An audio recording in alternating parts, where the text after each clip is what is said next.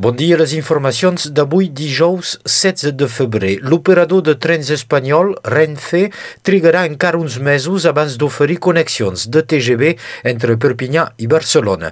La línia entre Barcelona i Lió hauria d'entrar en servei aquest estiu i una segona connexió cap a París seria establerta a la fi de l'any. Recordem que des que la SNCF i la Renfe van posar fi al seu partenariat, el desembre passat, sols dos trens de viatge viatgers passen cada dia pel túnel del Portús, que va costar 3,5 miliards d'euros de diners públics. És una conseqüència de la manca. L'estat de les xarxes de distribució d'aigua potable esdevé una preocupació major de les col·lectivitats. Al Vallespí, l'empresa Veolia ha efectuat aquesta setmana la demostració d'un nou sistema per localitzar les fuites amb gossos.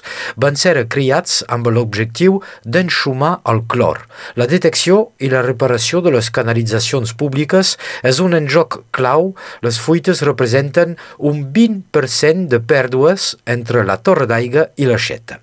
Una mala notícia per la llengua. L'empresa Amazon confirma que Alexa no parlarà pas el català. Aquest assistent virtual ja és ben present en moltes cases dels països catalans. Va acumular l'any passat 745 milions de connexions en espanyol. La batalla perquè la llengua catalana entri al món digital tampoc és perduda. Recordem que tots els catalans poden contribuir al programa AINA, que constitueix un banc sonor fonamental per la incorporació del català en les eines digitals. A Catalunya Sud, les cooperatives de producció d'oli d'oliva anuncien una molt mala recolta. La producció total baixarà del 50%. És la collita més baixa dels darrers 15 anys.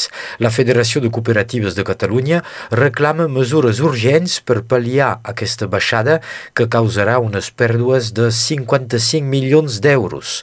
Els productors trauran mal a pallir aquesta crisi. A més del poc rendiment, el 2022 el cost de producció es va multiplicar per 4.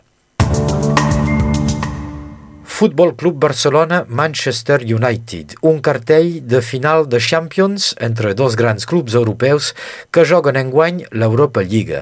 El partit d'anada d'aquests setzents de final se joga aquesta nit al Camp Nou. El club català enfronta aquesta eliminatòria sense el seu capità Busquets ni el seu davanter Dembélé. En top 14 són pas fases finals, però s'hi semblen per l'USAP que acollirà dissabte l'equip de Pau, un rival directe en la cursa pel manteniment manteniment. Els catalans tenen problemes en segona línia amb les ferides de Mau i Fa Salele, que serà absent dos mesos. Tome Cochard tampoc podrà jugar. En canvi, sí que tornen Sean Heroux i el centre argentí de la Fuente. USAP Pau és dissabte a les 5 en directe a Radio Arrels.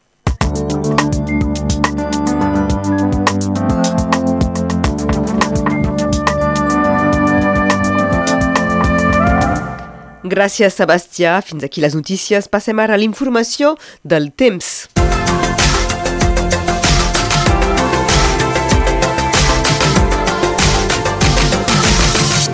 Serà avui que plourà i, de fet, no s'esperen precipitacions significatives en els pròxims 15 dies. Tot just podrien haver-hi alguns xàfecs i pluges febles a mitjans de la setmana entrant, però no tots els models coincideixen. Caldrà veure com evolucionarà la situació. De moment, aquest dijous serà una nova jornada assolellada de la plana fins a la muntanya. Res a dir tampoc que pel que fa al vent serà feble a molt feble. Del banc de les temperatures, aquesta tarda hi haurà poca diferència entre la plana i la muntanya. Parlem de màximes de 8 graus a Puigbalador, 9 a Er, 11 a Prats de Molló i a Cervera, 12 a Sureda, 13 a Pià, 14 a Codalet, a Taltaúll, Reinès i Rigardà.